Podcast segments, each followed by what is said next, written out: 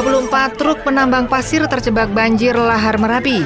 Ada yang terguling hingga sopir mengalami lecet. Hujan deras dan angin kencang di Gunung Kidul. Kandang berisi ribuan ayam ambruk rata dengan tanah. Kulaan di Jakarta diedarkan di DIY Jawa Tengah. Seorang residivis mengajak pengangguran bisnis sabu-sabu. Kartu ATM hilang, rekening seorang warga Kulon Progo tersedot misterius, tabungan sebesar 10 juta raib. Dari kawasan Jalan Jagalan 36 Yogyakarta, segera Anda ikuti Detak Hukum dan Kriminal bersama Reco Buntung 99,4 FM. Selamat petang pemirsa, itulah tadi beberapa berita hukum kriminal dalam sepekan yang kami rangkum dalam program Detak Hukum dan Kriminal Roca Buntung edisi hari ini Minggu 6 Februari 2022. Saya Asik Akadewi, segera kita menuju informasi pertama. Detak Hukum dan Kriminal Reco Buntung. Pemirsa hujan lebat yang terjadi di lereng Merapi Kamis 3 Februari siang hari mengakibatkan 24 truk terjebak banjir lahar hujan di Kaliboyong, Pakem, Sleman. Beruntung tidak ada korban jiwa dalam musibah tersebut, tetapi satu truk terguling akibat as roda patah. Menurut Kompol Nuning, sebelum terjadi banjir lahar hujan, sudah ada peringatan bahwa di atas Gunung Merapi terjadi hujan lebat. Sebenarnya truk-truk yang berada di Kaliboyong akan segera naik, namun ada truk yang patah as rodanya. Dalam peristiwa itu tidak ada truk yang tertimbun material banjir lahar hujan. Hanya ada satu truk yang terguling karena rodanya terprosok. Sedangkan beberapa truk lainnya berhasil mencari tempat yang lebih aman atau lebih tinggi.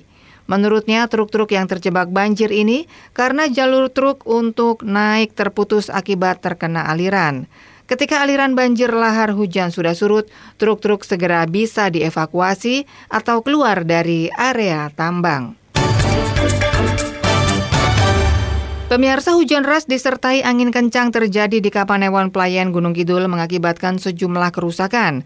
Badan Penanggulangan Bencana Daerah mencatat satu kandang ternak berisi 4.000 ekor ayam roboh rata dengan tanah. Terdapat puluhan pohon tumbang di antaranya menimpa rumah penduduk. Kandang ternak yang ambruk tersebut milik Sumaji warga Dengok Payen berikut 4.000 ekor ayam yang baru berusia sekitar 20 hari dan banyak yang mati. Demikian dijelaskan Kapolsek Pelayan AKP Hajar Wahyudi Kamis 3 Februari kemarin. Selain kandang ternak dikatakan terdapat beberapa rumah warga rusak tertimpa pohon tumbang.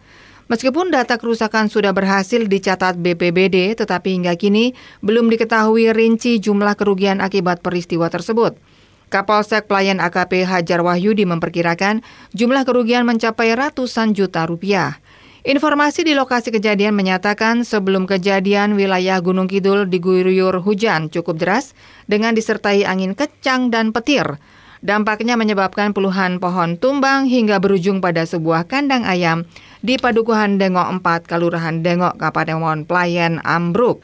Kandang berisi ribuan ayam yang sebagian besar ayam tersebut mati lantaran tertimpa material bangunan.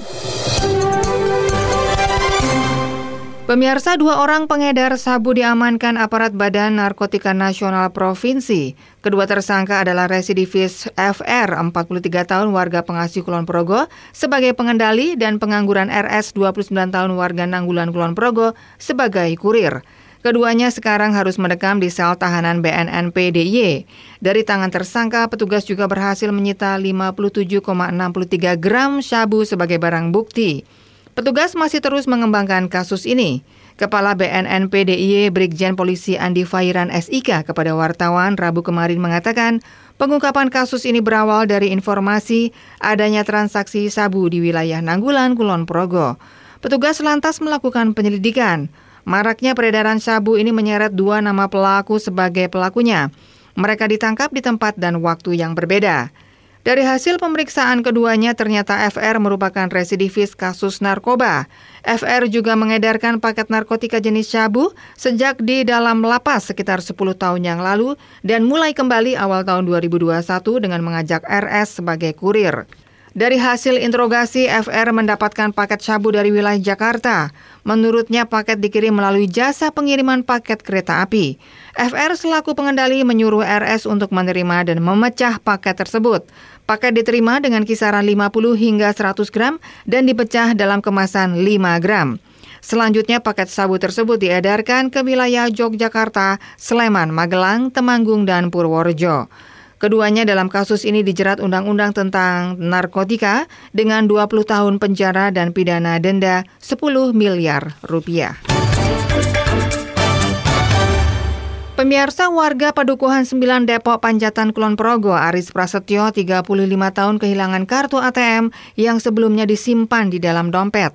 Setelah dilakukan pengecekan ke bank, rekening miliknya telah berkurang sekitar 10,5 juta rupiah. Menurut keterangan, hilangnya kartu ATM tersebut disadari Aris saat dirinya hendak membuat KTP baru pada 19 Januari 2022. Saat membuka dompet, ia terkejut karena mendapati kartu ATM miliknya yang sebelumnya disimpan di dekat KTP sudah tidak ada. Aris kemudian berinisiatif pergi ke bank di wilayah Plaret Pancatan untuk membuat ATM yang baru. Namun setelah dilakukan pengecekan, saldo di dalam rekeningnya sudah berkurang sebesar 10,5 juta rupiah. Dirinya mencoba klarifikasi ke customer service dan dicetakkan rekening koran. Ternyata ada transaksi penarikan yang tidak pernah dia lakukan. Peristiwa ini kemudian dilaporkan Aris ke polisi. Kasih Humas Polres Kulon Progo Ibtu Inengah Jeffrey mengatakan pihaknya telah melakukan penyelidikan atas kasus ini.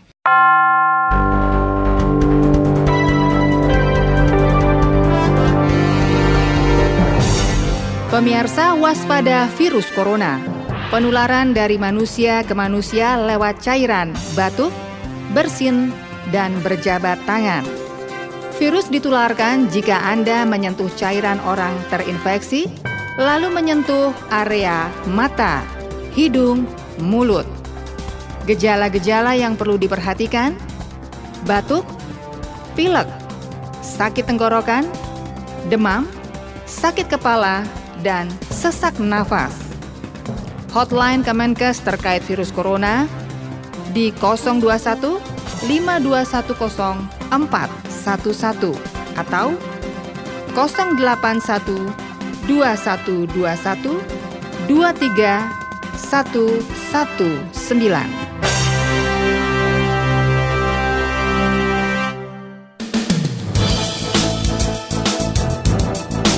Pemirsa, kita hentikan sejenak detak hukum dan kriminal Reca Buntung untuk kita ikuti kumandang adzan maghrib untuk daerah istimewa Yogyakarta dan sekitarnya.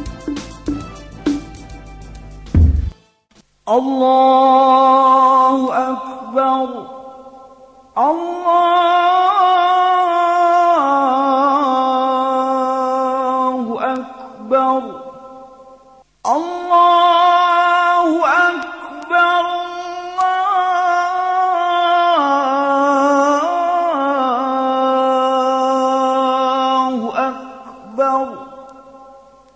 أشهد أن لا إله إلا الله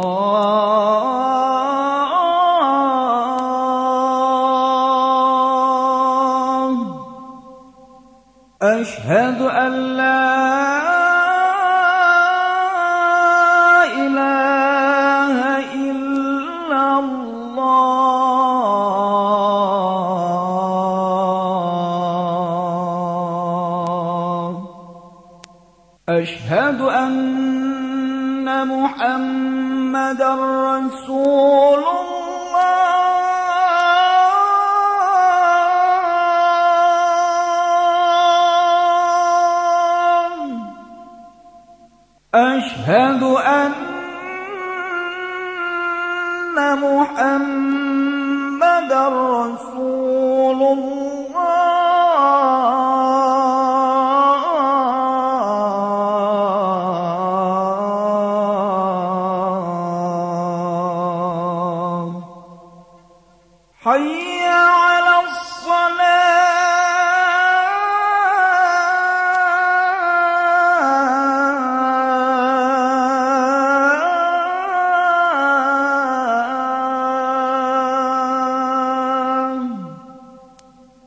아니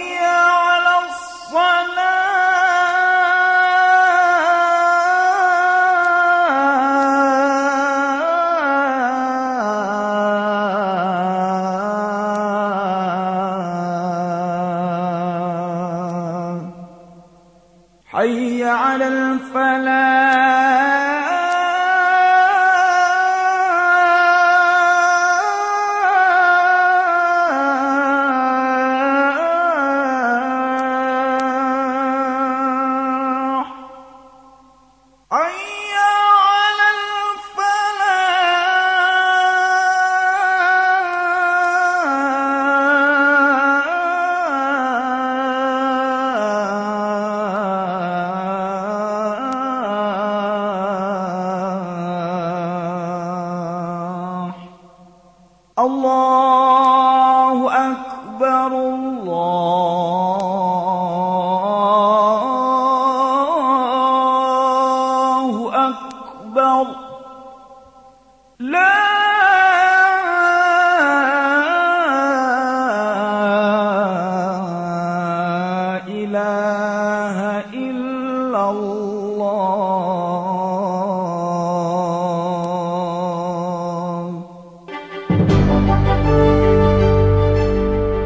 Pemirsa, kembali Anda ikuti Detak Hukum dan Kriminal Reca Buntung.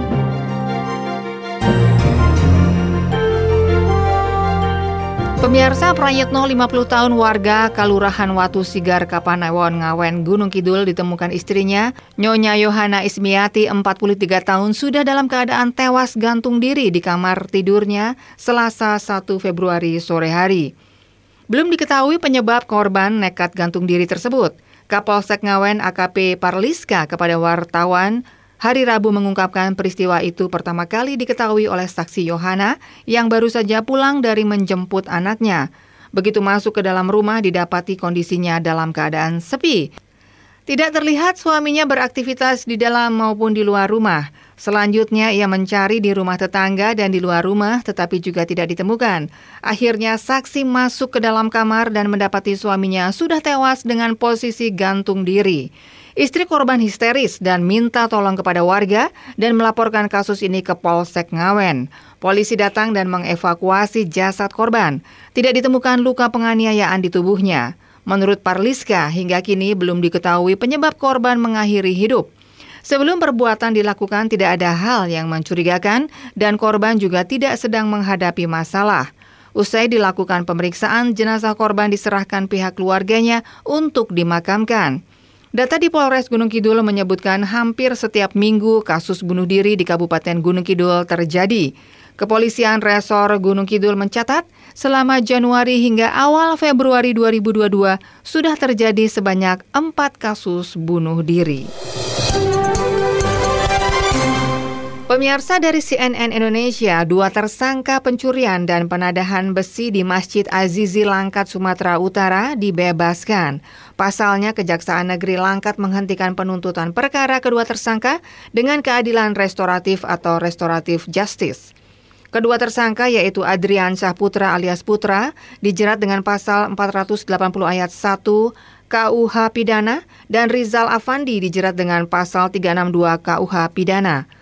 Peristiwa pencurian itu terjadi pada 9 Desember 2021. Kedua pemuda tersebut mencuri besi milik Masjid Azizi yang dalam proses pembangunan.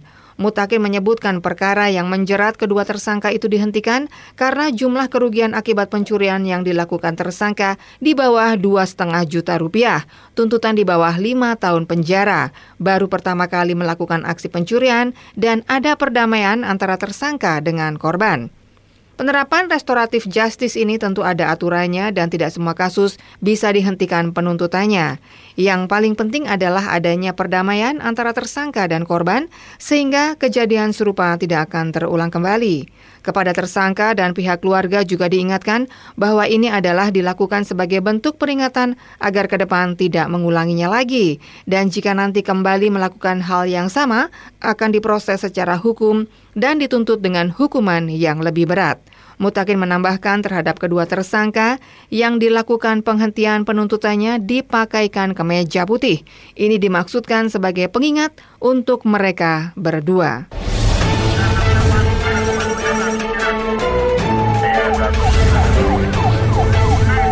Pemirsa, informasi tadi menutup jumpa kita di Detak Hukum dan Kriminal Reco Buntung edisi hari ini, Minggu 6 Februari 2022. Ikuti Detak Hukum dan Kriminal setiap hari Minggu dan jangan lewatkan Detak Deretan Warta Aktual esok petang pukul 18 waktu Indonesia Barat yang disiarkan dari Reca Buntung 99,4 FM. Saya Asik Eka Dewi undur diri, selamat petang, jangan lengah, dan tetap waspada. Pemirsa, telah Anda ikuti Detak Hukum dan Kriminal. Produksi Reco Buntung 99,4 FM.